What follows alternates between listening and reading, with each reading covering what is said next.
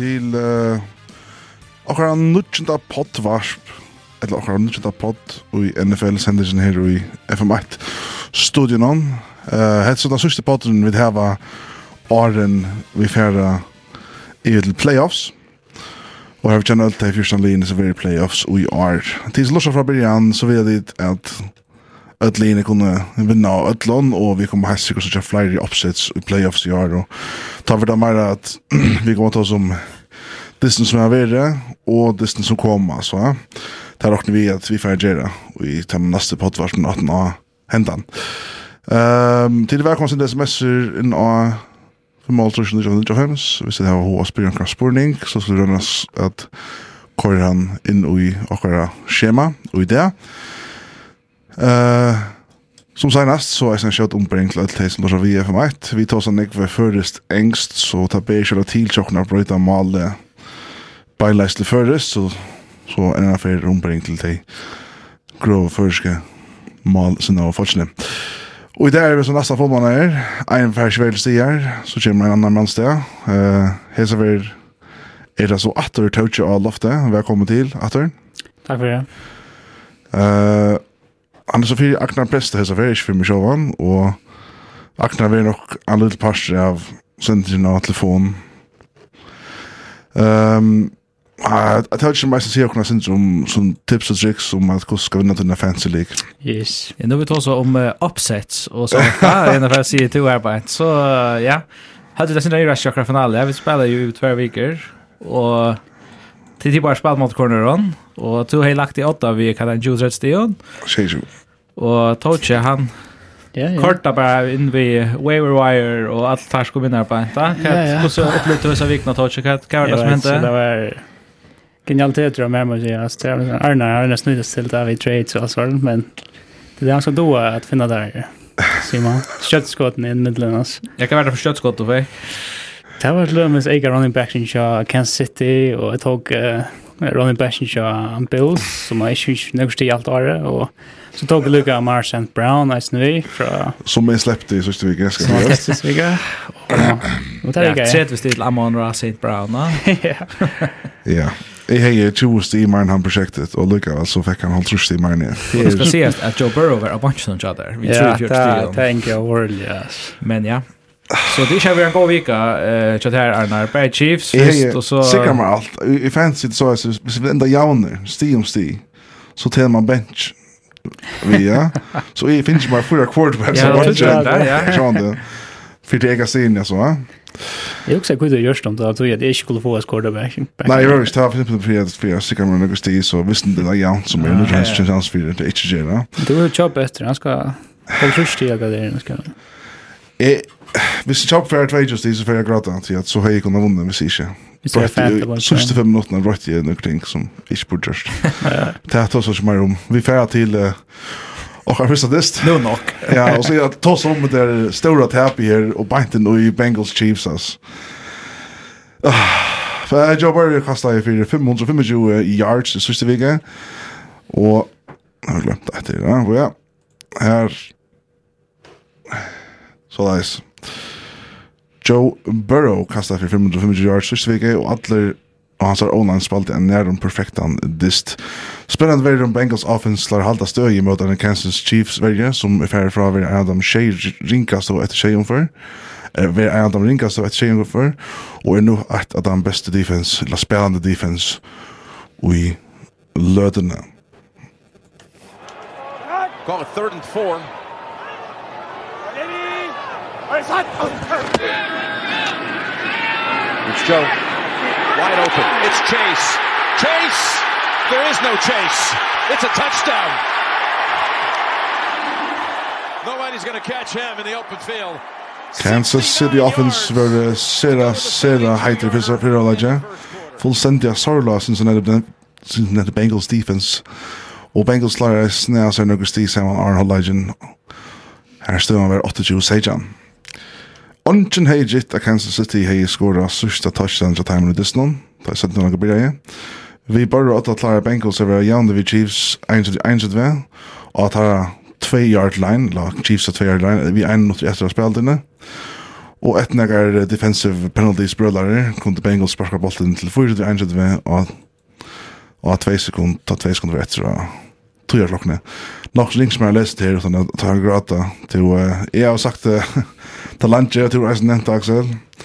Arne tar som ser tjeja disse spalte som hun deisne prysa Bengals enda enn affær, fri tjivviker det, ja. Jeg hadde Bengals kan godt ivraska i playoffs i år.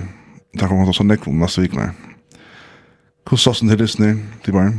Ja, jeg var veldig spent på hentet Disney. Tog at jeg sa at det er som en styrkesprøv av hvordan største er Bengals. Vi vet at Chiefs er øyla gåer, og vi vet at også om det er flere viker reisende, er det nækker som kan kappast vid timen i røvera.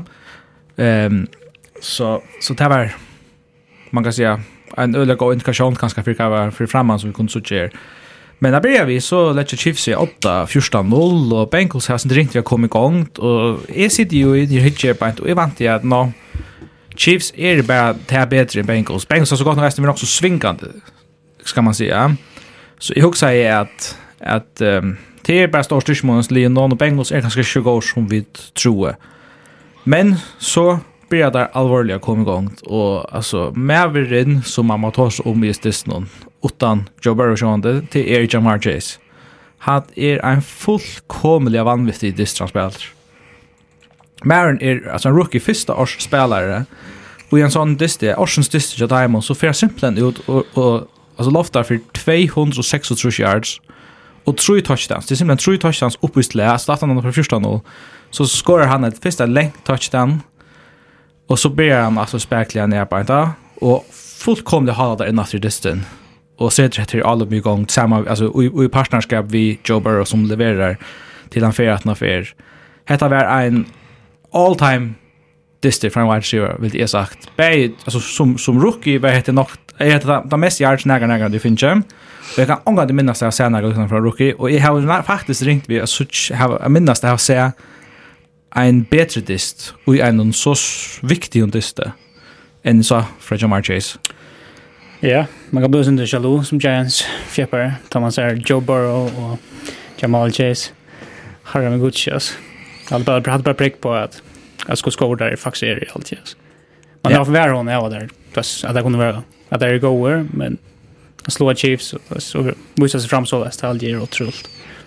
Ja, och man kan säga att uh, man vill få en där uh, shootout som vi hade hoppats inte på att för alltså ta som som sagt att Chase Pierce skorar så skorar att efter några för där och hålla stövan är verkligen 28 16 till um, till uh, Chiefs.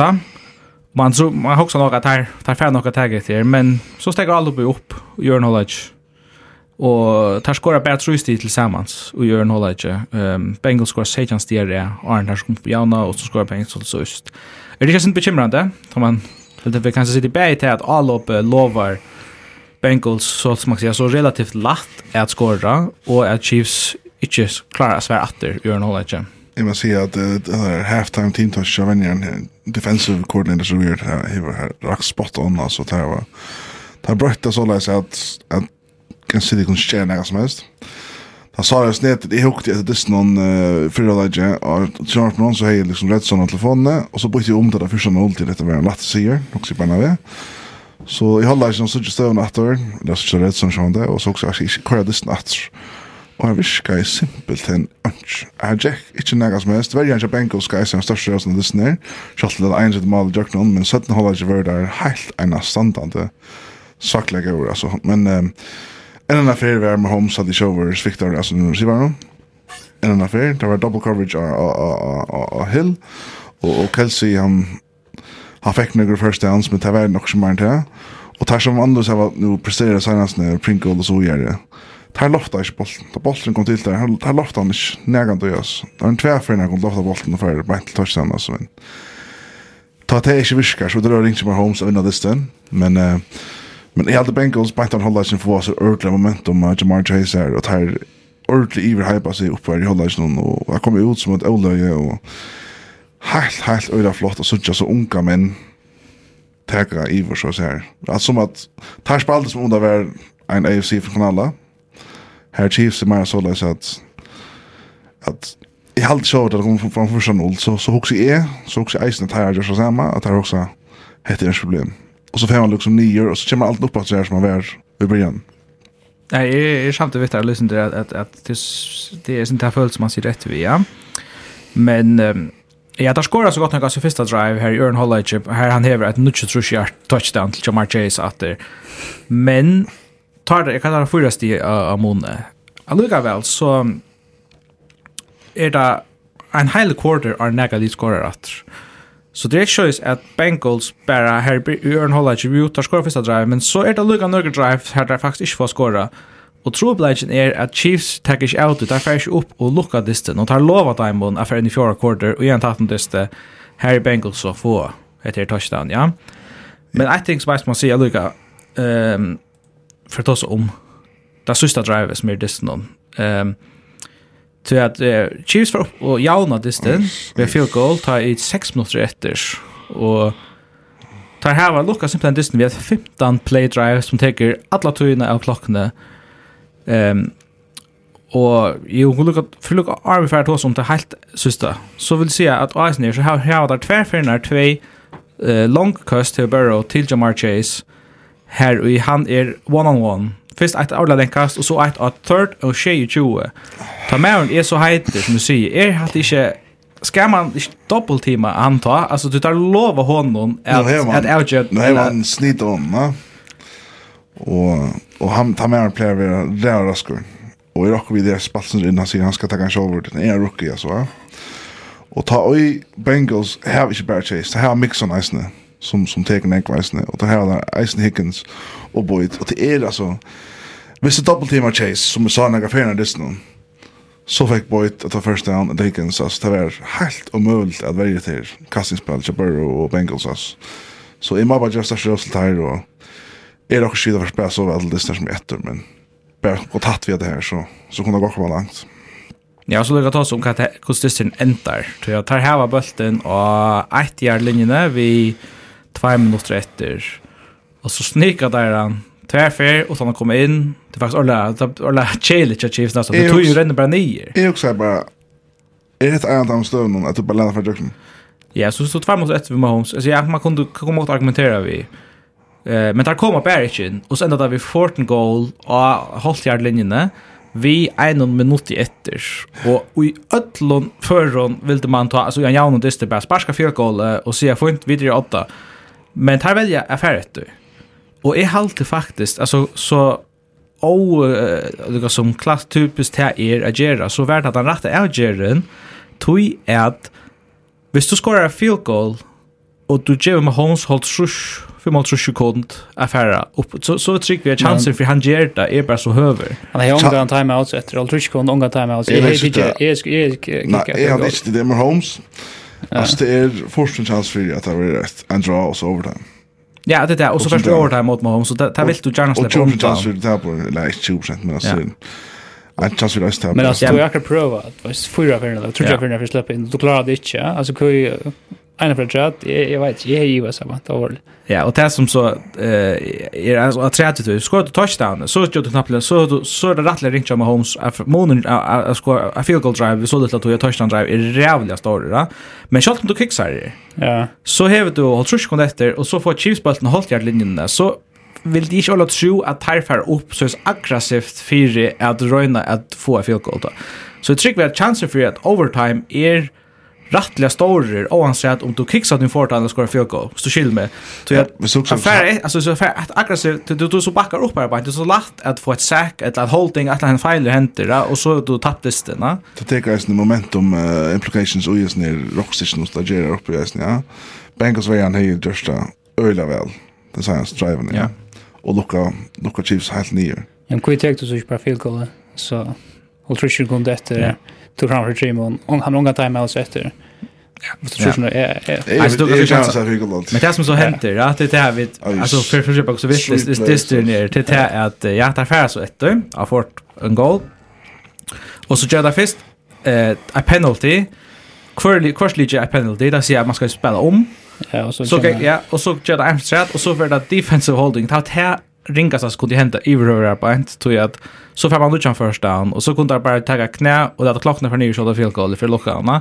Hade ska ta touchdown så chips missade efter mål där för upp. Alltså bite are are kommer start vi golden så det isen efter pass interference och så det isen att alltså det tror jag där fyra penalties och Chiefs så så där Bengals.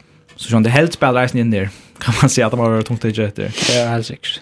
Så du kanske samt jag säger jag inte inte eh inte har inte där du har haft där kan se man? Där tror jag chanser där prova runda va och hållt jag linjen jag att jag linjen och då klarade det inte och så då fort down och då hör du så lätt field goal och så tror framför tre månader och trish kunde efter lunch time out men då väljer att färre efter för att få chase till eh tvärst det är då ju så jamon så är med Holmes kassa så han alltid kunde skora touchdown så det är ganska är inte är inte lika avgörande personligen så är det inte field goal och så lovar vi nu kommer att rätt att klara det här. Ja, och så för det syndrom ganska play implikationer av det någon så att det är att Bengals tar tredje så så playoff plus och divisionerna Det där står så att det är lösen där en bara det nu vi vi alltså så är Browns haft möjlighet att i divisionen eller Steelers. Vi har nästa vecka. Men Chiefs missar knappliga nummer ett sida. Och det ser inte ut till att de får få det efter, så ska vi helt ärligt. Titans är lite nummer ett nu. Texans, är klart. Så Texans ska vinna mot Titans hvis det ska hända. Så detta kan vara en, ett stort tap till Chiefs. Så det var en ekva sida, hvis det styr ner bänt. Vi har bruk för det egna dysten för jag kommer ordentligt gångt. Ja. Så det var väldigt spännande att följa via Bengals. Alltså som du säger, Hetta er liksom kanskje kan färra og og Orle Ivrasker og vi spör och spel som han ger. Altså han er 464 yards for för att touchdown så. Ja. Og altså Pro Football Focus här var han nu at han er topp altså distance for år er han nummer 1 rankar i NFL av alla quarterbacks. Bant nu alltså så han har tar med att han har haft det bästa cappingar i behöver hvis man tar så här play for play. Alltså Ja, alltså det det för inte hända men det er ikke vært overkjent. Nei. Det er nok, det er det er nok Aaron Rodgers, ja? Kanskje Brady eller fram kan ta det. Det er nok ikke med Holmes, det tykker vi ikke, ikke så det er kjent nummer ett. Jeg er vel skilt da. Ja.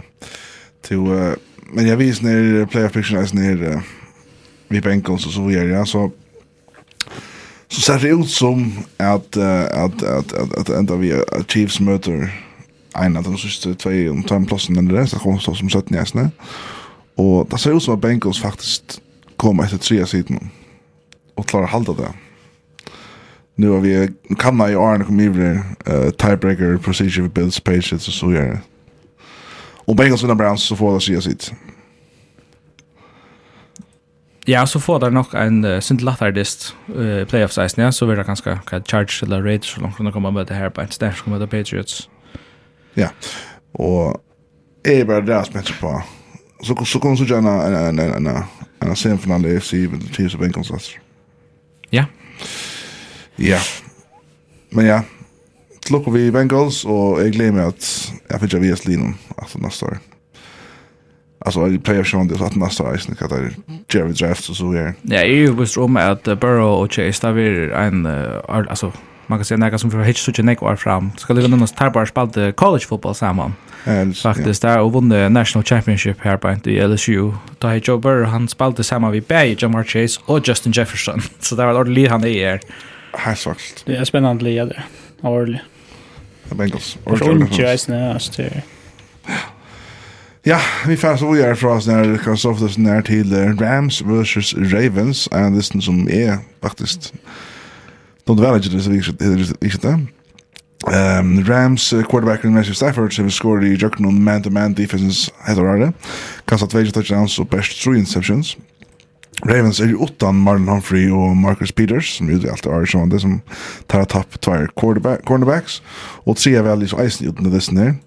Så att lösen det är fyra Cooper Cup och kommer nu för han gå on där vi möter Baltimore Ravens. Rush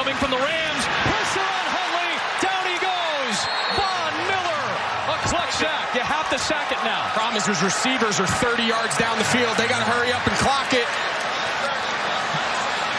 Got to get set. Now they spike. Three today, especially in the second half. Yeah, det som hørte jeg her, det var uh, newly acquired Devon Miller som er kommet til Rams uh, som faktisk vindes når vi har takla second quarterback til Ravens håndtlig Ravens som har vært helt ekstremt vanlig senast nu har til hantlig att i starting quarterback posisjonene. Lamar Jackson måtte Hepa så i linne og Rams gjorde några bytta feil i början dessutom. I missed field goal till første possession, second possession kassa i Stafford interception så ble det touchdown. Play at Playet andra, interceptions, interception attor, Ravens at for bolten fra den mest sterfkasse, som ikke løyde seg selv og i lødene. Støvan enda i 20 til Rams, og Jeg synes det var rejäla gård hijator som man säger. Men Stafford, en annan affär, han, han sviktar sin början lyssna så kommer han alltid så ända när uh, han är inte värre akkurat samma som han var att han som rikskia överhöver, hade inte över, alltså. Han lyssnar ordentligt en shadow av sig själv, men uh, ja. gott han är gav människorna. Jeg har nesten hod til at, uh, altså, jeg skal si, jeg kastar också rätt i arns på da han sa, hentan disten tja, tja honom, um, men som du sier, han, han han bjargar han väl vi uh, ett game winning drive här på då så han hever han börjar distan vid ett pick six. Alltså ett interception som vi returnar till touchdown till hin som lägger Rams Ravens 8 Och så stod han då så så kastade han åter en interception en hopeless han bolt i triple coverage. Eh og och han hever så eisne a fumble i, uh, i red zone ta i Rams uh, hava chansa her upp at uh, letja seg åtta min ta stund i 13 uh, tjej. Så grunden til his nerdisteren er um, man kan säga att röka Char Rams till bara tog att Tyler Huntley och, och Ravens tar spalt i källa vel his förnar tar hava og det var där touchdown så där finke from Stafford så hava der fyra field goals till Alta. Eh ja. så man kan säga att han bjärkar sin det är när jag vi vet att att göra ett öliga flott uh, game winning drive på 2 minute drill. Men alltså hade jag han ger simpelthen varför några fel. Jag, jag vet inte kvärt share cho hon på nu. Och vi vi har sett det så ofta här och kritiserar han och tas om att kat gånger gäller och inte. Han är mest uh, pick 6 i NFL. Han är fyra. Eh, och han har haft några ärar som ordla byttar som har varit en såna halv pick six. Jeg halte bare det virker som om at han gjør for nekva feiler, og man slipper av stedet, du, da du spiller mot en lige som, altså Baltimore Ravens, uh, Baltimore Ravens de utan Lamar Jackson, men du slipper ikke av stedet, du, da du spiller mot Bucks eller Cowboys i playoffs. Nei. Og det er simpelthen bare bekymrende, det er ikke godt nok, John. Altså, han er fem interceptions og fyrer dem i pick 6. Syndro det reisen, ja. Eller går det? Alltså, Inte väldigt alltså det som Kanske. Jag tror inte Champions så syste vi ikke. Alltså som du säger han var via har kastat disen veck mot Vikings så Jag vill säga det man de har rätt level Stafford men alltså sånas två veckor då det, ja som du säger han ger för några filer på inte lötna om det är scan Jones ja. Alltså är han en god quarterback men men han ska ja han ska till uppas jag synd ja. men det var ju resten av Rams där har, att jag klarar vinna så dyster där ser jag att där har det är inte bara Stafford då till resten Dreisen defense och dreisen wide receiver så. Så jag hade faktiskt där. Sonny Michel till Jörn fram mig sen sen. Michel, ja. Um, men Ravens var rätt hatt innan Disney. Alltså vi ser sådär så att det här Justin Tucker som kickar. Det här bollen och Kitchi gör ett lavera kvar där 41 yards. Arden Huntley vill säkra vår. Okej, okay, ja. Två yards yards där. Och ta vankla 5 yards vill det är mätt så kom Justin Tucker på banan. Ja, och så var jag säker på att han med Ja. Ja, ja, tack man säga. Spela sparska, det är skatt. Håll fjärs yards, fjärs yards, Tucker. Jada bara. Det är större chans. Ja, det är större chans vi hade gått här en en en handlig för att game and drive oss. Det var så här sen kickar en fantastisk så. Så jo, man kunde gå, alltså man sagt Rams borde haft den efter så att det där syste vi inte. Det borde ha tappat. Alltså borde borde alltså jag alltså där var ju väsna. Jag gott defense. så där får också en det där får man alltså. Jag får väl till eller det det kanske det är gott men Nej, men men men har du där att nå det sen tackar sig? Skriver ut? Nej. Han vill gärna sparska, men tar helt där för risky. Tar helt där om det är 25 chans för att akta. 25 Det är jävla näck. Ja. Men hvis vi tog yards til så var det fortsatt, altså. Så det var noe som... Altså, her var en range der, ja. Kikker er eia klara sparskan inn av fortsatt. Og problemet er at accuracy... Det var jo 38 litt av seg selv, det var... Hette var... Det var 25 yards til kjært, lakser, hette vi? Ja, ja, 25 år ja. Skadri Gordon John, 6-7. 6-7, ja. Men der sier alle sammen til at der klarer kikka bolt inn fors 5 yards. Det var liksom... som hur så ofta det bara touch för slag touch alltså mot att sex touch där rakt akkurat alltså understödsbana problemet är att ta där sikta så kunde det full power Ja. nej så kunde det sparka långt sist ja men det är mer viktigt att räcka räcka mitten det var som det är. Ja, det är otroligt som man. Ordet Hail Marys. På bulten upp på trushärtlinjen. Ja, jag sätta oss till sidan. Men alltså, Rams har så eisende en fort en fem av töljarlinjene tja, tja Ravens som uh, tar skulle konverta för jag har en egen chans i stisna. Alltså det är helt riktigt. Jag är så hängande till höra till så ett öliga flott catch av Odell Beckham här som helt til drive åtta och det är så Eisen Sam Maver som skorar touchdown till Odell Mona. Han vinner det som vi. Det gör han. Det gör han där. Ja. Vad nu då? Ja, ja, tar bara ett faktiskt. Eh så heter här är nog till för Ravens i år. Där har var en här också scenario som finns för Gustav kunna komma i i playoffs det är rävligt att det ska hända något ting. Colts skulle tappa mot Jaguars och Raiders skulle vinna mot eh Colts tappa Colts tappa och Raiders tappa. Ja, och det är också en annan så att um, jag hade det. Ja, det är bara Nej, nej, det är mer än det faktiskt. Och Sean, Sean Steelers har stämma. Där skulle faktiskt ha att Patriots kan vinna mot Dolphins helt nära strength of schedule. Och att Browns skulle så tappa på sin system det måste Steelers Bengals. Så det är så. Det är öliga, öliga riktigt så jag för sig. Att det här har näkran som helst chans. Det där. Helt för att ska ha tiebreaker. Hur är procenten där? är. 5 procent. 5 procent, okej.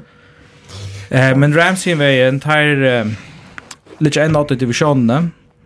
Eh, eh, tar capping för Cardinals.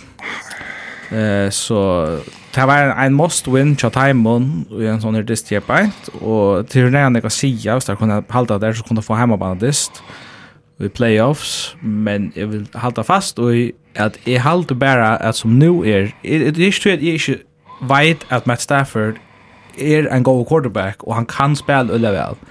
Jeg halda bare til at chanseren fyrir at han skal gjøre sånne bytta feiler, og i en playoff dist, så spela det mot Green Bay, eh ja för så ju Cardinals Packers eller box så hever du bäst ratlat där. och tog har vi ringt vi har switchat här och du får någon men Stafford är på nu att här är det en väldig hötta men jag du bara så att det där vinner stösten vi är snur kus nek turnovers har där en 5 per dust nu sen tvärdes när och short och också bara visst inte har turnovers och matches Stafford Luka lägga där na så så kunde där schackfans vinna by box och Det är också vi att, att det här var ordentligt just det där kusten ju nu att täcka att assert eller kasta bollen ut helt när så. alltså. Just så ser du något ner men där kasta bollen så in.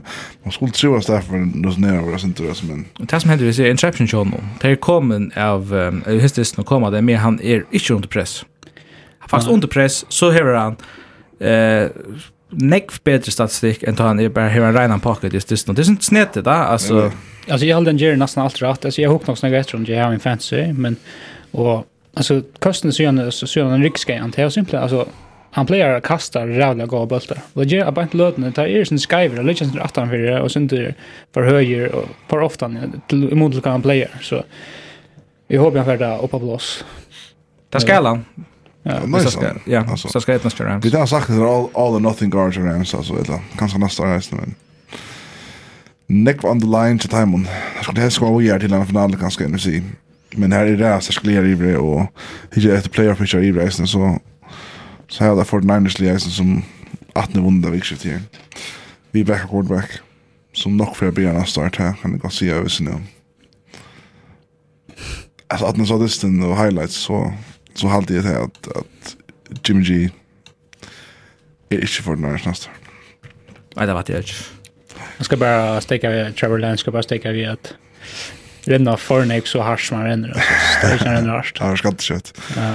Men ja, Ravens ute. Uh, man vet att börja av där podcast första podcasten vi att Kåre Ravensson med ett eller två hade jag tillist. Och är nog så nöjd vi är. Det som är helt om där. Ta. Men det här var det du helt ska säga. Det ska jag halt är ber rally neck för på att nolla marsch på allt så att det och så det det är nog mest förklaringen kan man säga men tatt det dyster och tragiskt närmast. Alltså tvärdist som man täpper på two point conversion skicksar och så har han helt dist som man man hej och hej chansen att stjäla. Och halt hej man vunnit den disten så hej stövan sig ordentligt gå ut nattligen, ja. Ja, men men ska jag väl vi vi att nästa. Jag har hört näck på mig som man kommer veckan ut igen vi så. Kvar? Men ja. Men ja, Ravens. Nej, det är alltid Charles John Harper och jag nu det går men ja. Ja, det där må jag nog hålla fast i ett eller annat Ja. Han var så Rams Ravens vända 2019 till uh, Rams som nästan tredje Rams. Här skulle man vinna som för resten om Cardinals vinna. Ett, uh, ett win i Terra Division. Um, Nästa sjågång till er faktiskt uh, två topplig i NFC. Det var Cardinals versus Cowboys. Kyle Murray og Cardinals har tapt trusla sannsesnar. Vi lømmes DeAndre Hopkins ut inn til playoffs byrjon tvær viker. Uh, men jag möter en av ändå Dallas Stephens som har spelat öre väl senast nu är inte akkurat den perfekta uppskriften att komma back on the winning ways.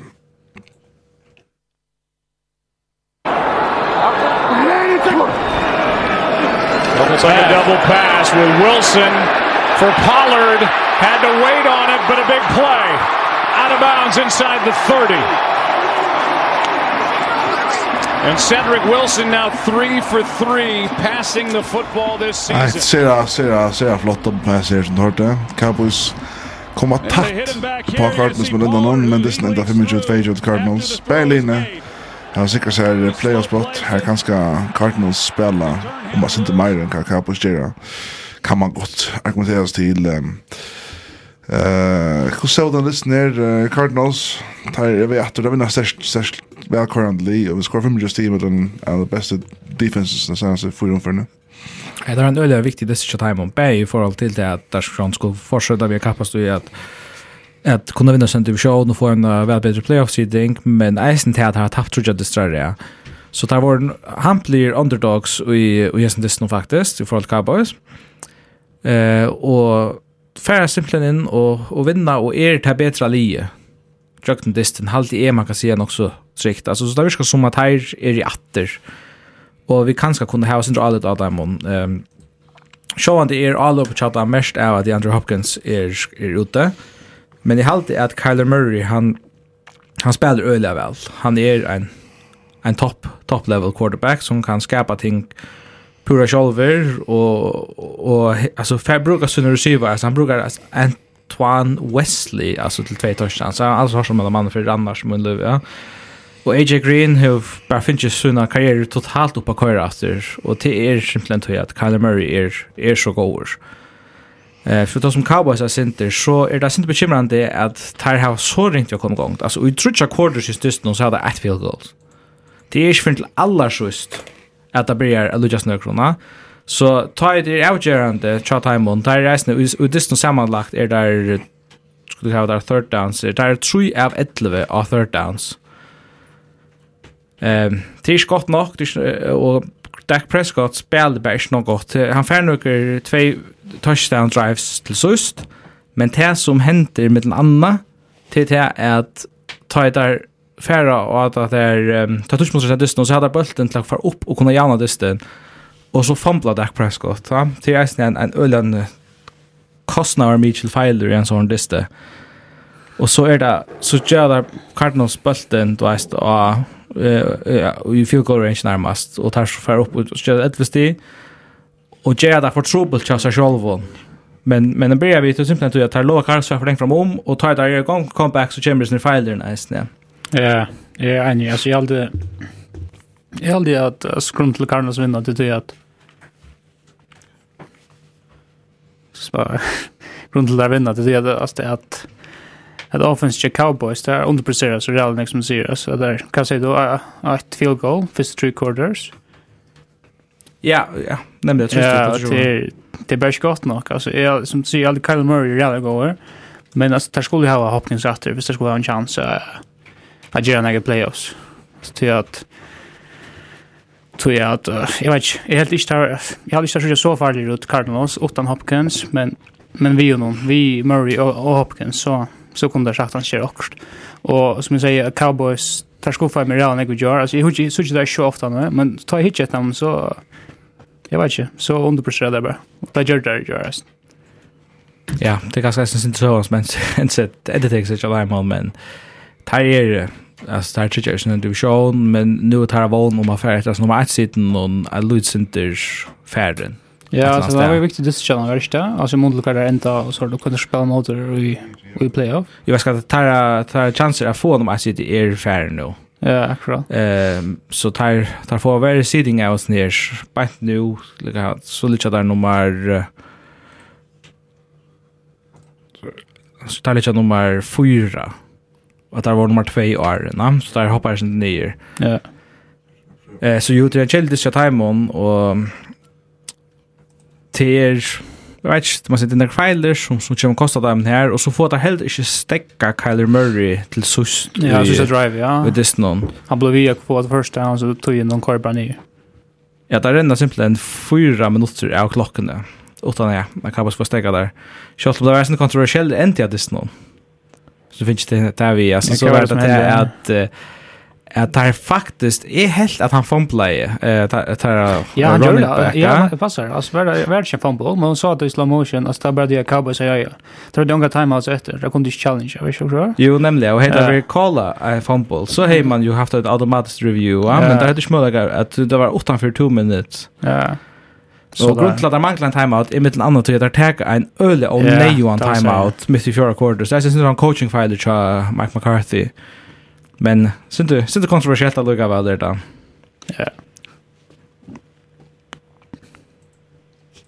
Ja, og Kat jeg lukka for å takke om Cowboys at det er bare Vi bare synes samtidig kanskje, ja, heta var ikke, jeg går ikke time på, men tror du på at, at jeg kunne ja, det er stadig er en contender i, i NFC.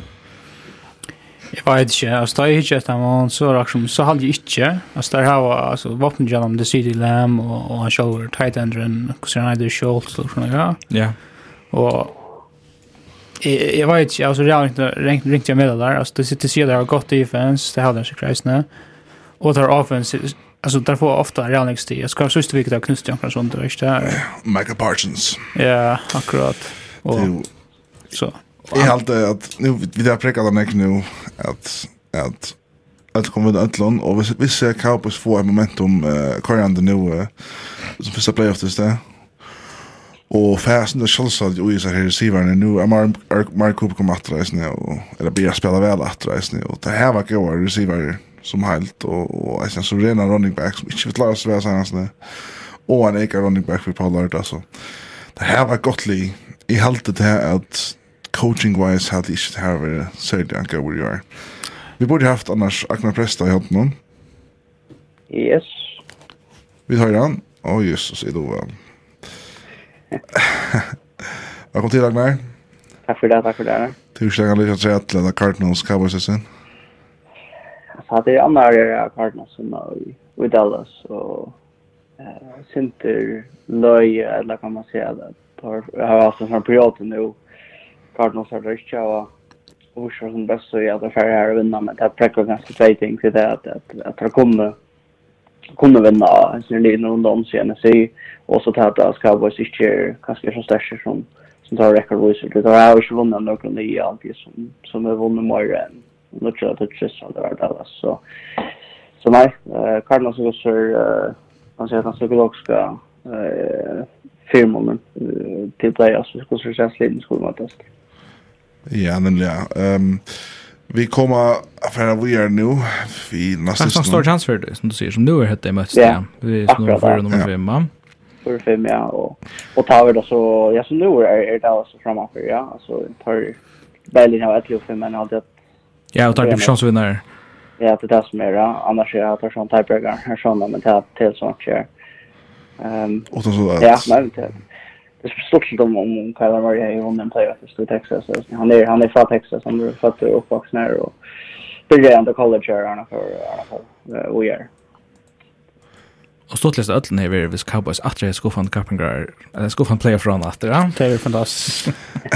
Men alltså men är såna kan få en en en international bolt alltså en division nästan ja. Ja ja. ja. Och så undrar jag men eh Ja, vi färra till uh, liksom playoff picture att vi tar oss som också inte Lea och kunna kassera sig av bara så inom uh, NFC och AFC nästa vecka när så färra och kött jag någon distance över det viktigt jag snett det var det där när det stod 6 söndagen det var också så hur vi. Det hände allt i august och så var uh, quadruple box allt det när och där ja. Fyrst sist vi hade det var det nere Bills över Falcons och liksom vi uh, ta så orda kött om distance så här vi ett litet jobb här som jag också gick för att är det knäcka. with his feet. Second and goal. Ryan flushed. Ryan pumps. Ryan to the goal line, and Matt Ryan in for the touchdown. So there's the touchdown by Matt Ryan. I think, what does he say? Look at Oh, he puts the Happy ball New Year! his See? feet. Happy New Year! That's what he was saying. Ja, det är så Matt Ryan som faktiskt uh, jaunar nej för skorar til 2 6 21 22. Alltså extra point där ja. Och och att han han hoppar och rushar till flotta drive ner här och skorar touchdown. Så reiser han sig upp och, och ropar också SNR-en och tar väl ett taunting penalty. Och så var Torsten till chatter. Och Torsten nu är det inte. Hur ska man det? Hur ska man lägga Torsten åter? Alltså, här är en skor. Nej, det är inte några penalty. Det är bara att eh alltså, det var bara en review att det var inte Torsten. Det var inte Torsten. Ja, penalty, penalty sitter vi utifrån. Ett sådant sportsligt fall så sitter penalty vi. Ja, knä kom ner i bett åren. Alltså, det är bett i åren. Ja, så skiljer jag. Att Matt Ryan, en, en skällespannande quarterback som, som ränner 15 yards och skorar touchdown. Öjla flott. Och så räknar jag ju och helt evis och han tar inte en spelare och så är bollen attor. Junk. Alla vi nattra alltså alltså det var helt av värde. komist, ja. ju en goal eller så alltså. Så var Färjestad skulle knappt skora. Två shot touchdowns och det var en chans alltså. Och här hade jag att Bills vunnit den. Annars hade Falcons ökat momentum av det. Ja, der hadde vi nok så lenge tog jeg disten, og rettelig gav en chans å ta den disten. Der eh lutar sig inte åtta är snä. Eh nej, det är lite här få ett safety. Jo jo, det är ju åtta. 16 0. Nej, det det passar inte. Det passar inte. Det är 16 0. Tack om att det är 13 16. Ehm och är nog snägg vi och till primärt Josh Allen spelar nog han spelar som var en statist i år, han som var en statist i sin karriär, han hever, han har 11 av 26, och hever så kjær interceptions i disten någon. Det känns kall, va? og han diste? Jo, det var riktig verre. Ja, riktig värre. Han bjergar det synte vi att han, han klarar, han renner han rattliga väl, alltså han hever 15 carries og vann det ikke, va? Från han quarterback for 41 yards och två touchdowns, Och så kör han det Singletary, helt han kjatt her, Yes, fantastiskt. Hon som tog yards, hon som tog yards, 2 touchdowns. Kottar næra. Det är som det som... God där oss, jag ska vann oss. Men jag hade alltså Bills som, som, som så vundes den och Falcons tappade det var mest här ute i playoffs Ja. Ja, ja, och Bills är en främsta division. Chans är att det just är playoff plus. Ja, så... har Han det sen nästa sin hade det tävlar så Raiders Colts. Hej, och så Colts vi Jonathan Taylor åtta Vill man gott säga, iskar som vins. Men John Taylor åtta och... Här är en mer som stakk ut mun munnen det var Renfro innan affären. Ikke bare han sa liksom som uh, saklig receiving uh, abilities, men eisen til at altså, punt returns er en klasse. Returner er spons for det? Ja, han gjør det 42 yard punt return og 30 yard punt return, altså. Helt, altså, go punts, altså. Mm. Ja. Han rullar avgörande just dess nu. mot Renfro, han hevet här ena touchdown. Jag känner honom nice nu, jag blev inte kolla åter. Här han, här rätt ett länk touchdown. Här blev då inte kallad ner än för nu. Jo, det var helt av holding, defensive holding. Nej, offensive holding där han kastar helt av. Men det är helt av play här. Här det kan han kasta till, till han och han släpper alla vägen men han är nere ena för nu och han blir nämnt till det här. Åh, jag hällde en ja. Ja, passar. Ja, just det. Jo, jo, jo. Här var här. Ja, när man vill och någon. Ja, akkurat. Oh my god, ja. Så han är faktiskt en gigadist. Men Ja, ta ta ta sista drive, ja. I mind av sista drive. Ja. Och ända där vi Men ta play är ju alltså. Ta chu chu då. Ja. Så vi ser liksom så det alltså Derek Carr för är för upp till han hejar sen dist mot Browns så här han spelar nog så utlands. Spelar helt ju I go on this there Derek Carr. Det ska han helt ju. Det ska helt ju. Det spelar ringt men han helt var interceptions och och så har han ett touchdown. Och 255 yards men han, han leverar game winning drive. Och en distance som Raiders skulle vinna, mer eller mindre, för att uh, komma in uh, in playoffs. Så det är det är liksom det clutch och att det är som play som den Hunter Renfro det är ett fantastiskt kast alltid. Jag alla flott flott play generellt att det är Carr som Jameson Laser rör på och levererar typ Renfro är däckar upp. Han levererar han på en sån mat att det är han som kan få han. Ja. Så tar och att det är hade jag tänkt på att Tarkemi är öliga god. Eh så jag hade varit annan annan hej närmast kastan såna bollen som du ser vara till det var stor chans för Inception men till liksom sövan just ner att att uh, Raiders vinna och visst här vinna uh, mot the Chargers tar på Sunday night så är det här i playoffs och det har faktiskt chans att komma så lugga väl. Eh om det inte vinna. Ska alla den Raiders alltså jag har inte snackar om det när jag det tar er bara men alltså nu kunde komma i playoffs så helt har han har den en chans. Ja, jag tar mist så in stöttenspelare där Waller efter. Ja. Ja, och Så jag vet inte. Han defense är rymliga gott alltså run, running defense alls där. Ja. Det som hände det där kunde gott finns nummer 6 seed. Hon där. Och så spalt mot Bengals till dömes eller Bills. Så det här är redan kanske det mot Chiefs. Ja, det Alltså det här fick en bank för mot Chiefs. Ja. Eh men där vi där ju Alltså i NFL kan allt hända ändå det men men Raiders hade ju ett lag som vi skulle vanta att vinna att det playoffs. Nej, nej, jag har inte helt det bara det jag löjer och snackar om där i rör.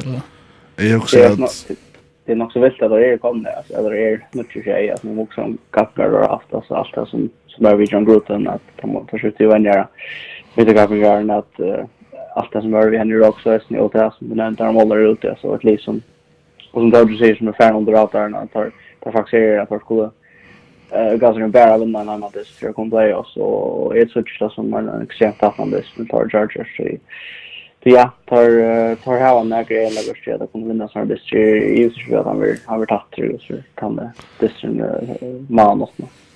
Ja. Det var helt rätt. Axel Montel det så skulle satt oss i där så skulle Colts så långt in i linjen så tappa. Hvis Raiders ska komma in på det. Ehm, ja, mine är bestämt. Där kunde gått en nummer 6 sida lugga väl faktiskt. Du det här tiebreaker mot Colts. Eh, yeah. så tar vinna mot der. Vi tar vinna mot Chargers, ska säga. Så är det så alltid faktiskt är nummer 6. Ja. Namsa on sett allt. Ja. Det här tiebreaker mot mot Colts. Vi löt när Chargers tiebreaker mot Raiders så det är nummer 8. Säkert. Ja. Ja, hade varit standardstrend och i ferd til lastesten, selv om iveskriftene er tøk, uh, iveskriftene er ikke veldig akkurat uh, spil, jeg vet noen mer enn personer som, som, som stjål alt i jar. Så hentet det her, det noen som jeg hadde ikke nekt hos om, men uh, vi får høre det. Zach Wilson keeps it. I don't think he got it. There wasn't much room there. And it wasn't a short yard either. There was There was a lot there in the Buccaneer defense with the game on the line. What have we talked about all afternoon uh, in the run game? Where, vi tar har Super Bowl innan fra fjør. Vi møter New York Jets. Jets framfor 24, og til 4th and 1, da kunne kikka field goal inn. Per er i A, i halda vær, er stemt 8 yard linne. 4th and 1, tar færre etter, og vi er stakkar. Han kunne vunnen distan, avstanden bant her, vi er en yard. Men, enda så vi er Tom Brady og kompani, vendisten hin veien og vundisten så. Vi er skått touchdown 22, 24. 8-24, ja. Vet jeg sånn. Ja. Jet mot box. Jets borde vunnet all det, shower. Ja, jag hade just fått att vi hade tossat om det när vi kom att gräva sen men jag vi vi är någon av oss Antonio Brown men uh, jag hade faktiskt Jets på en helt gående. Dest. Alltså virkelig, Zach Wilson spelade bästa disten jag han spalt i år. Uh, Det menar jag fel där och tar all upp vi och tar tar åtta Atlantisten Marla minne. Tar det ju att tar är åtta vi alltså 40 touch och typ att det här skor 18 stjärnor alltså box eh Och ändan tre kvarter in i fjärde kvarter och, och komma så åter så till till rättliga flott av, av Jets att spela eller upp mot Buccaneers och pressa där så liksom där göra. Hatta play här hade jag snir i ordan. Alltså att man man ständer vi har 14-2 av fyra yardlinjerna och det är tvärmål efter. Tror jag ja, I feel goal kan man säga. Så heter du Chasty. Men så är det Jason Joe Brady tvär minuter till att om man ska touchdown. Och går så ofta att Shane klarar det. Och så först i overtime mot Tom Brady, vi Zach Wilson. Han tar inte Det er best, att du helt har du möjlighet att add look at this thing or at play. Men men det är play call. Det är trubbelage. Har det ett förfärligt play call. Så idén är affär rätt du har men man sneakar inte vid tvär tvär yards. Det vid öll. Det alltså chansen för det alltså bara stanna och crush down fram tvär meter. Det känns som du kan välja ett annat mer kreativt run play eller kastspel eller rollout. Ett landa. Hatta här var bara ska play kon. Den var katastrof där. Ja, katastrof. Men alltså så som helt alltså nu verkar in the boxen så är alltså box som vi såg för en vecka sedan vi att öra går uh, NFC contender mot Packers och Cardinals dem så. Nu är det blivit till så så är fjör pressali vill det mätta till. Vi NFC vi spelar jump NFC power ranking men nu. Vi har den jogon. Det är inte tech på styrka. Nej, det har varit shot out. Och så kom det åter, yes, vi vinner den lyssnare. Så nu är det Jets. Och vinner akkurat. Kan era för liksom teaching som ut här alltså box uh, camp. Agnar, hur det går på det? Ja, alltså det är en geniv om att att han nu stant och mankla så vapnen alltså det som kanske var uh, största styrka där man tar Tato Jack Orle väl förstått av Rusien. Ja, det var det. Att han Brady har ju öljat näkt i muskvapen. Alltså han har ju han Hey Brown och Evans och Godwin och där sen särskilt att vart Richard plus och grejer konfronterar han är för nätt och Ron Jones ska för Richard ska man är för nätt och och Gronkowski var också resten vi och lister och Josh Mold så Jag vet inte, jag när jag snart vattnar väck nu, väck med skia och annat, det här ger till att, det här ger till att har inte lugga skarspar som det var och kanske man ska heller ju folk på andra dess att man tar färre upp till New York och och kan ta tar vi det tar vi det andra då för att att att av vunnit av vunnit sin division och tar här är så redan jag kan spela för upp en toppsit det är viktigt men men det blir ganska sent annorlunda tar man tar man över to just a player på så. Men det tar vi som är sen jag så Eva Malom kan akkurat hur man ska gå för att det på gameplan bäst upp. Eh Brady skal connecta vi och några något svårt men uh, men tycker man att det kommer playoffs och man ständ ju för att han på ner så det var ju man tror men det är bättre än att stanna där Cowboys eller Cardinals till dem. Men uh, box alltså Ja, nästan ju uppe där nu. Om Michel Godwin och och Jim Ratton nu är en playoff. Men han är det så är, inte det? Godwin ute, ja. Ja, men Fournette kommer ute. Fournette Netchum helt etter, ja. ja. Og så tar jeg mist Godwin og mist Antonio Brown. Jeg på en øløtende mata av øtlen her, han... Ja, du kan forklare det som henter. Ja, det er... Jeg kan forklare på, på det som jeg så, altså, knappelig, altså, så ikke bare Marin som, som skulle vant den neste tida, hvis jeg finalen her, uh, gonger av øtlen, og jeg husker, ja, han skatter jo lakskjørt, men... Ja, Men han kom på sted og pismesh til sånne, sånne fjepparer og, og, og renner av øtlen og jeg husker hva det skjer her og uh, så sjøen det også kom at han har ut og jeg helt bare liksom hatt bare typ som Tony Brown han anker satt også vi han som fornærmer for jeg sted altså. Men uh, men han fyrir av øtlen i begynner tre kvarter Ja, og jeg sitter ikke i Red Zone, og tar klipper så knappt inn til dette her, man ser liksom nok så lengt at det er som henter, da. Og ja, det er nemlig at Anker Jimmy ser också vi man han är uppe jag kör onkel Jimmy røyner liksom at att kolla nyer, og så fer han bare, altså alltså seg ur og såna sånne shoulder pads og så da teker han sånne undertrøtje av kastar upp Oscar ner handskan där genker av bären i kroppen bara att stämma mot tunneln då. Men box hava et drive och ju all uppe. Alltså Mariner en vi i distan. Du vet, och han fer bara ut Og maten han gjør det på eisen, altså han, han fyrt først, han fyrt innan vøtlen, tørst reista, yeah. tørst om banan, og alltså ständer och och och vinkar och hoppar ut avskårner utbana avskårner och så där alltså jag har aldrig som sen har liknande och jag hade inte näkar hur sen har liknande i NFL alltså när jag aldrig alltså jag vet inte hur jag minns när jag sena har näkar liknande jag kanske minns jag minns mer som Mario Bal från Kolgam det alltså han och George Snake som är alltså vad vad huxar han vid så alltså då säger jag också kanske en psykiskt ostabil eller ett annat alltså. Alltså han är problembad. Till till vidare vid öll. Och han det han var lunch och till bara kanske helt ner backa så han får Steelers. Han blev ju han får fick en chans i Patriots. Så blev han släppt härifrån och så får han till Raiders. Och eh blev Isnes kortare Arnott låter spänna han distera. Så det är ju det är faktiskt box som har given en chans atter. Och det är primärt tror jag Tom Brady har så gärna vill haft han. En man han är så talentfull. Han är så god, han är god alltså det är alltså. Ja. Och allt vet att det och man pjörs inte ramsa upp allt galt som han ja, han har gjort snäck allt. Tycker går så för att läsa om allt om att det är till för att oss om det är sån ek trobliga vis man då. Men hette här är så jävla offentligt. Alltså live i showmars på någon med att sitta och hitcha ett och man gör det och hade hade så att det är så närmast blasfemiskt ju idrott. Så jag förstår om kört ett fotboll i isen. Alltså då är eller han kunde idrott. Alltså hata hata German Barry inte. Nej. Och han han skolt at box have hava givi hon nekva nekva chanser. Alltså är han färdig? Ja, och där skötta bara att han distan. Alltså där onch ni säger säger Venjarn att han spelar ju på att mer. Det var stor mystery där. Alltså han är kanske att han bäst i världsserien så där och Bant arm playoffs, alltså det hade en liten katastrof, va? den stor katastrof. Det är ja, katastrof, ja. Men han gör det mycket väl. Ha, du kanst ikke, du kanst ikke, ikke kotta mann til, du ongar, du har ikke tro trovirus som organisasjon hvis du lover, leder mann sleppa stavjes ned. Nei, men det er bare, du veist, du veist, det har satsa sånn jeg på at, du veist, nu vundar rysta her, gjør ikke det, altså, du veist, det er satsa sånn jeg på å vinne i år, reisne, og du veist, det er at det har nekka sånne goa rust nere, Tom Brady, sånne, han skal ha noe opp for å vinne, altså, kan man på unga gammal där bjärga och sånt. Nu har det så. Ja, sagt, jag, jag vill sagt om, det. Om man kommer ut vid en ombering och säger att han är i sista blätten så gick mer också. Alltså också är gärna nog haft han igen så det är shit.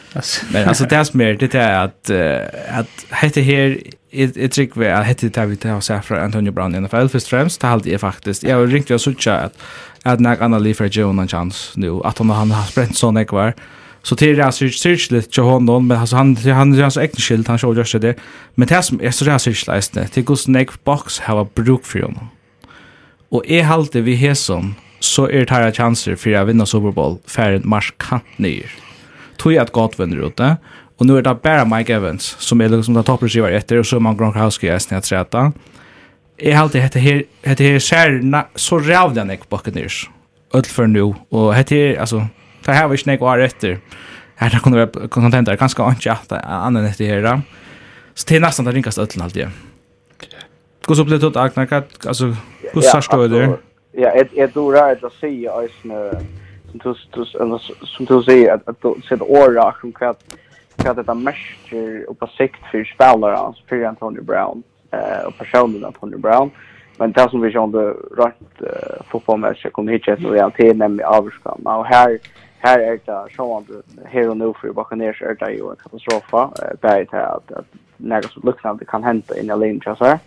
Och det är att man ska vinna playoff här. Tom Brady inte har det vapen som han har som han har i fjör och, och har haft fyra år. Och ja, jag var jag har sagt att sa ja, jag är inte ordentligt något som man är vän med så kör det men att är ölen är fram om det är näck fram om att Brown för att är som ger till att han och för som han ger och till öst med annat tror jag att han Jag var faktiskt inte platt ja då alltså han var han var då ser var det ofta som specialer och han var han var inte så han var ändå ett kämpe problem med Pittsburgh alltså tulja så att men men det är ölen som som går fram ju med det vi att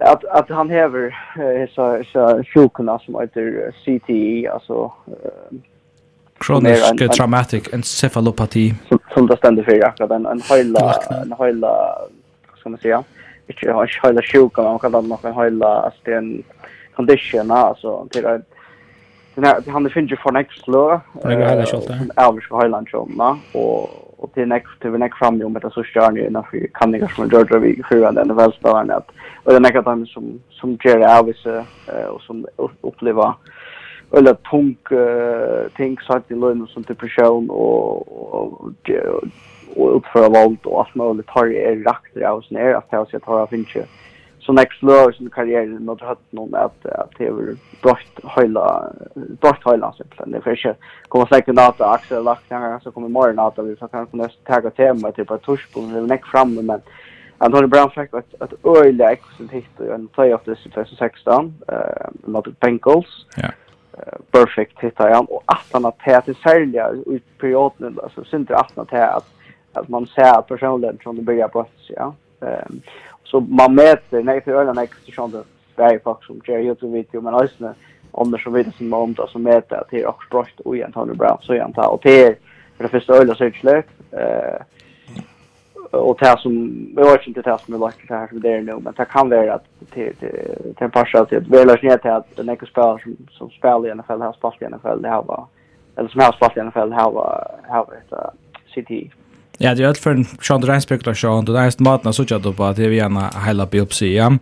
Så det finns några man ser eventuellt ta ta spelare, ta men det är ju att man kan kan hela en jada men ta mest känt med avren, eller döme som i också till Aaron Hernandez. Han har öle utbrett sitt i och han blev ju fullkomligt svaker mot ändan alltså vi alltså ett drap men då att här en dokumentär Netflix tycker jag tror honom.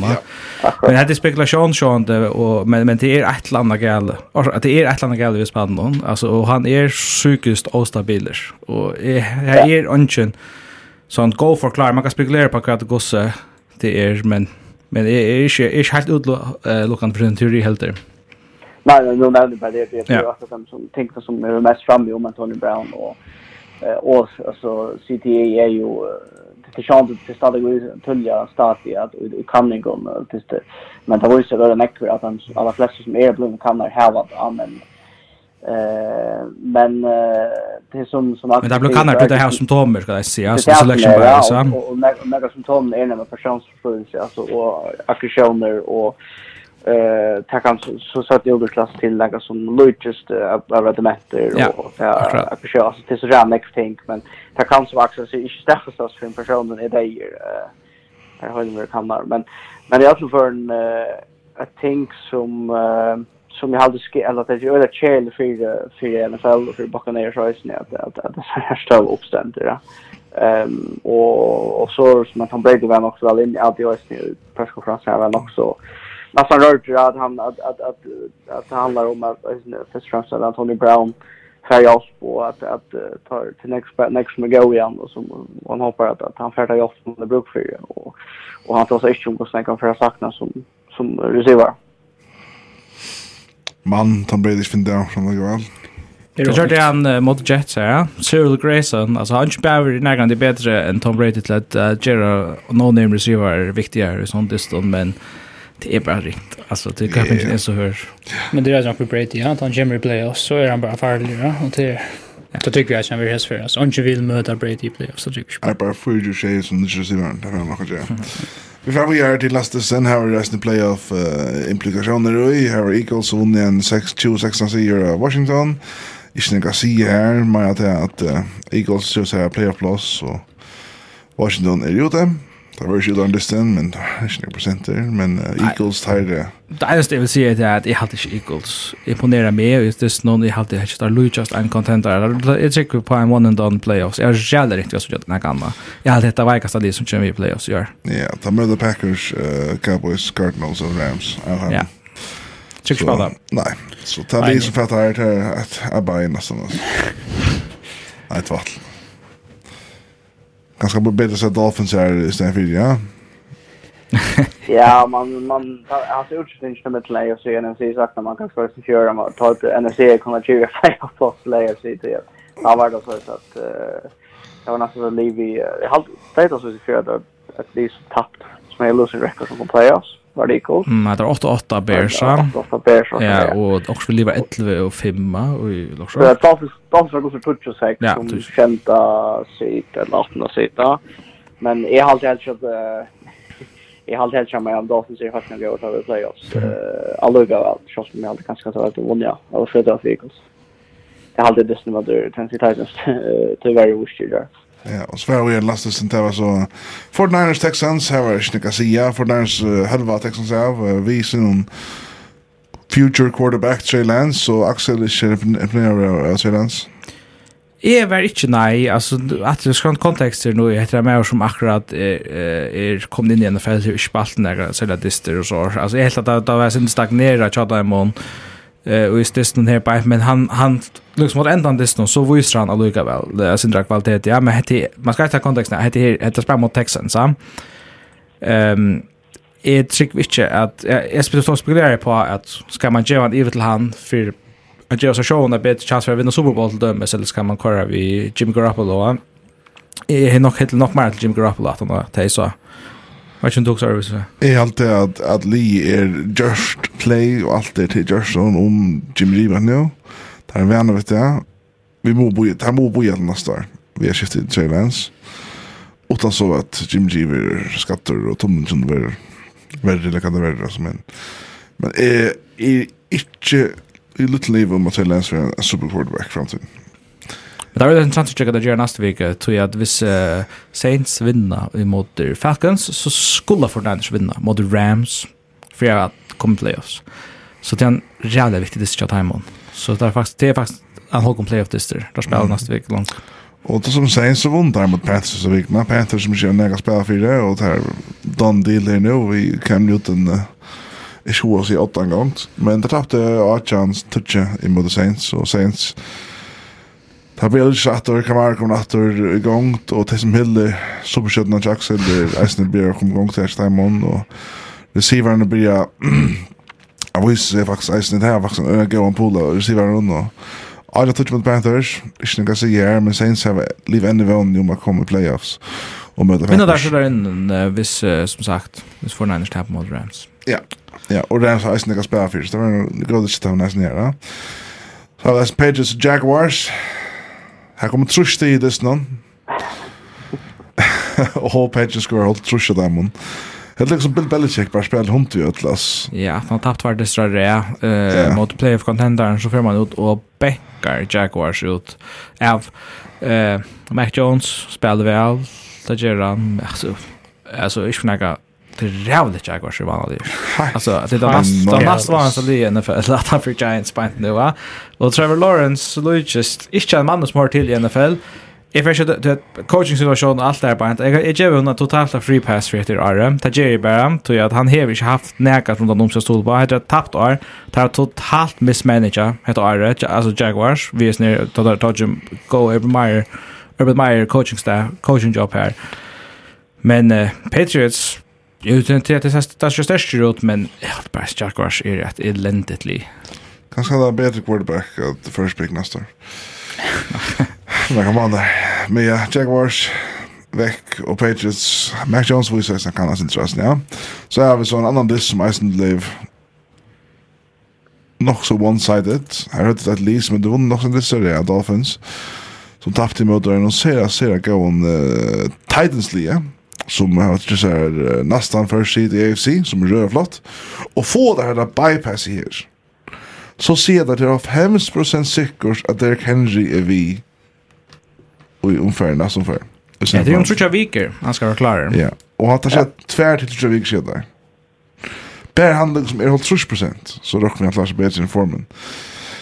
Ja, ja men det är en stark liste. Alltså, Sean, alltså att att där vinna så grætt mot yeah. Dolphins som er i heiter, og det er jo en, en, en alvorlig styrkesmeting til Taimon utan Derrick Henry. Man kan bare spekulere på, er han atter skulle vi så ikke tagge Titans i Olvara som en verlig contender i EFC? Nei. Hvordan så stod det sånn, Agnar? Jeg kan ikke ut fra tok det. Fylte bedre vi enn vi kjørte. Ja, jeg har fra en Jeg vet ikke, altså.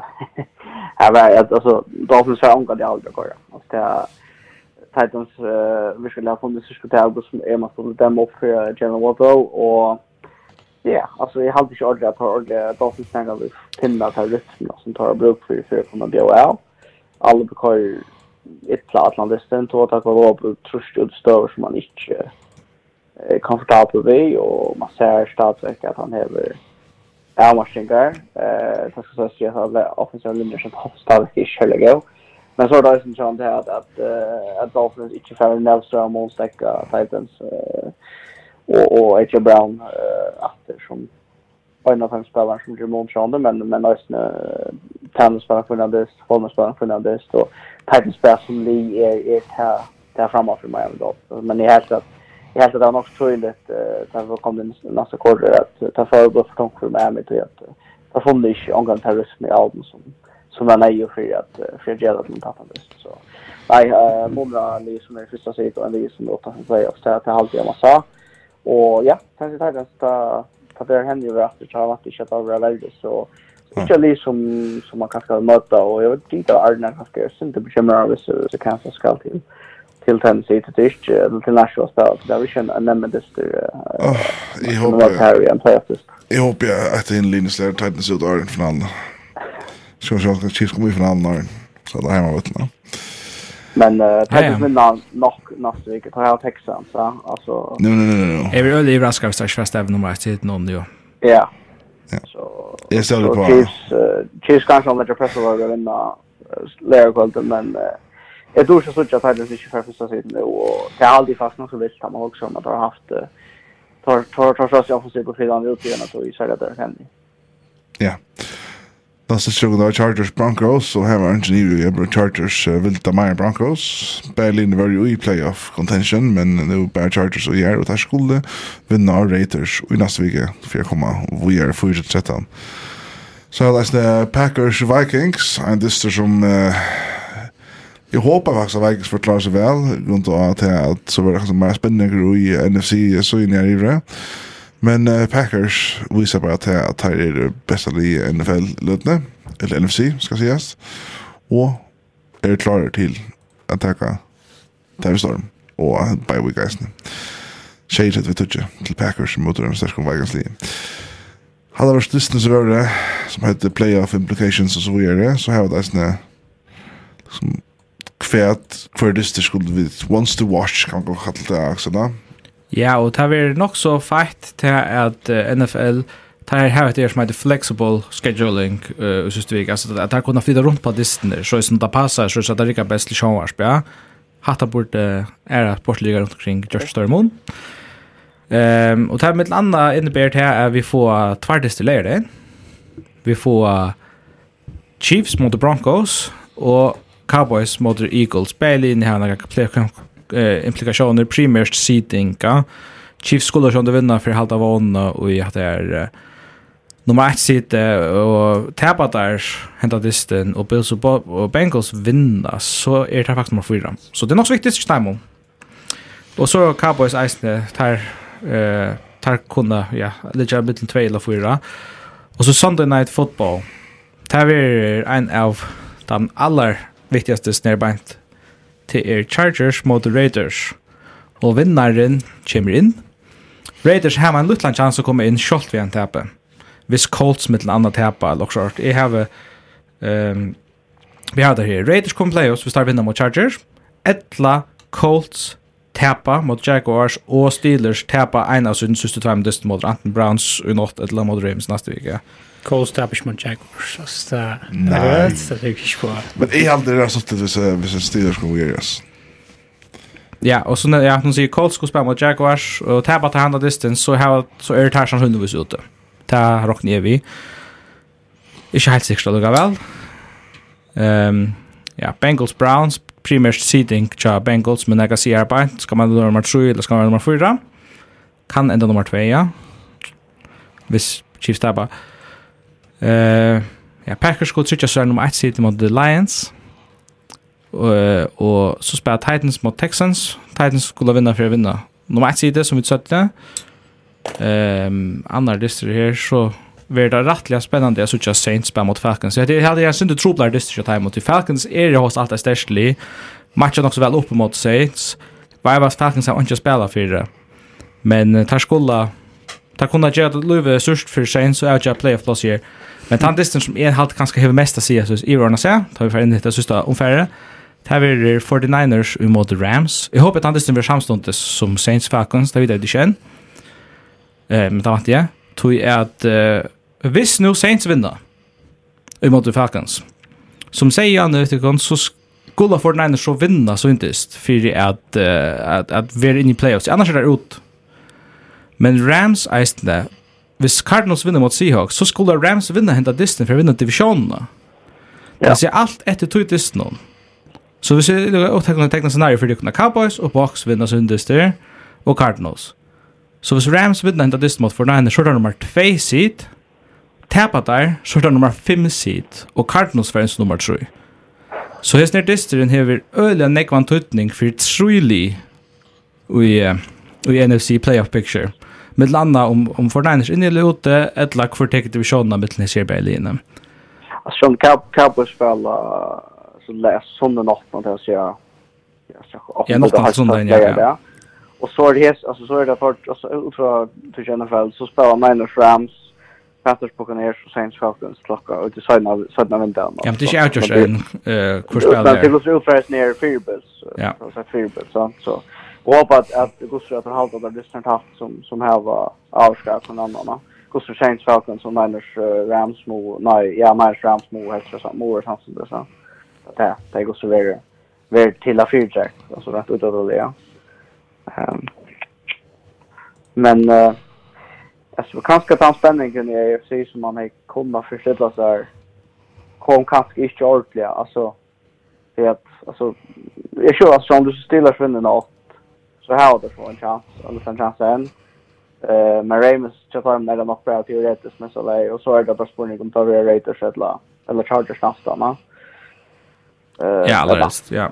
Ja, så man har ganska hoppat att det är synd imorgon. Eh, ganska tre och even truly över utanför jag så har jag haft en okej chans men att det är så svårt.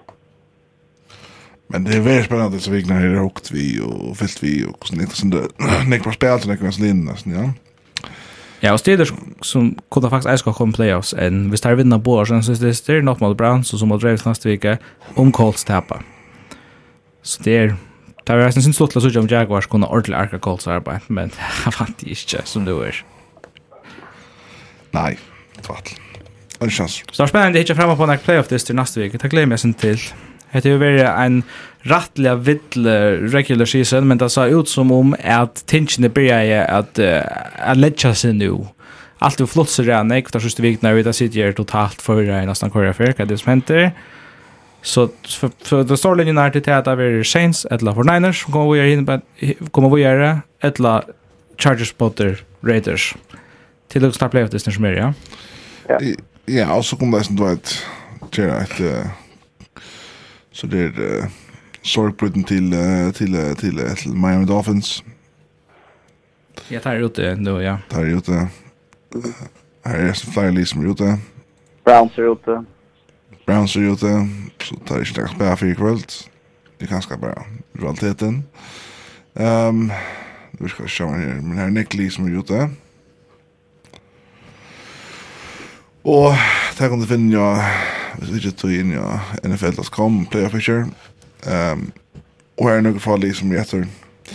Men uh, at neste vike så kommer vi til som Disney, og kanskje gjøre den power ranking neste vike. Playoff power ranking. Playoff uh, prediction bracket. Ja, oh, vi får gjøre en bracket, ja. Det må gjøre.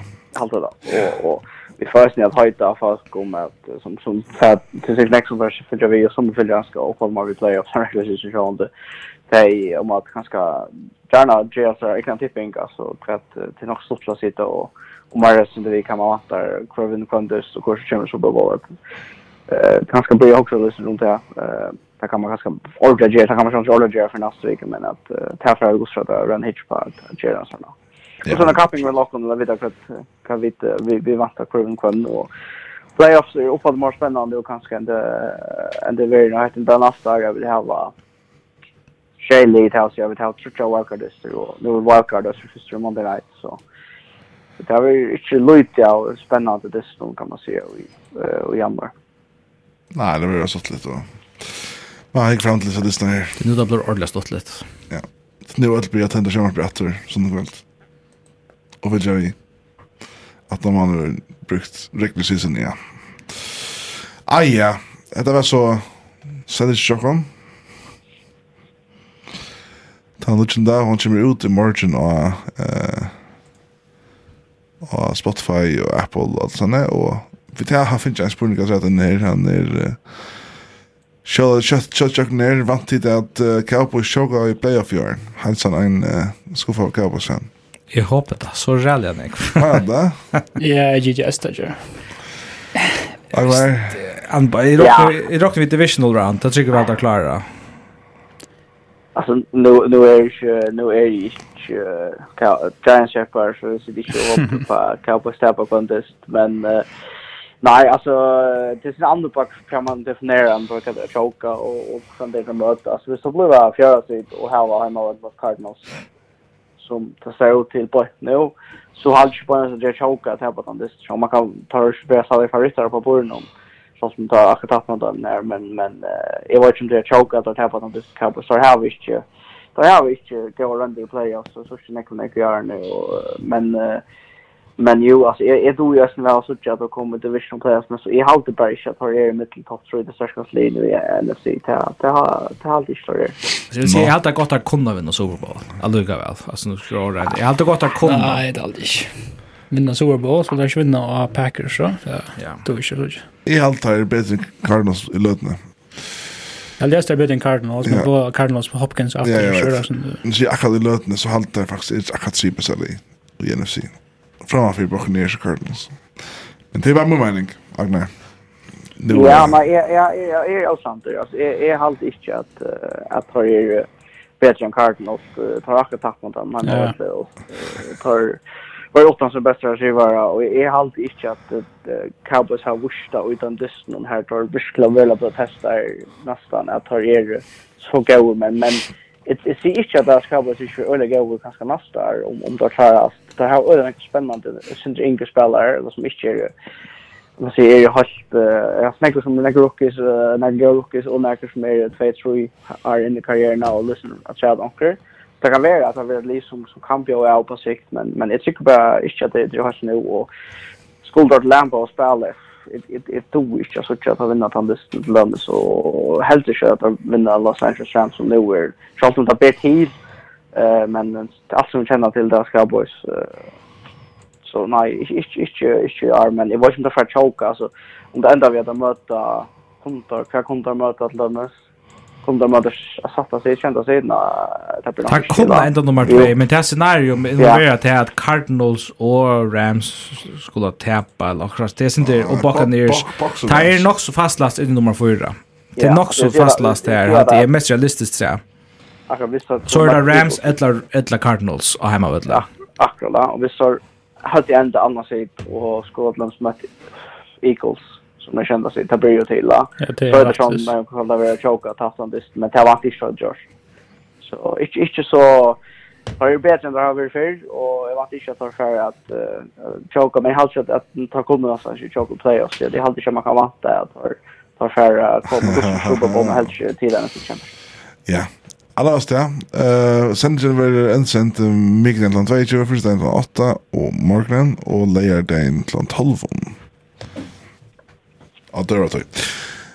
Jeg vil takke for meg, og Aksel, Aknar og Tauka her ur FMI og Vi var etter i neste vik, jeg tar vi over nok eh, torsdagen etter da.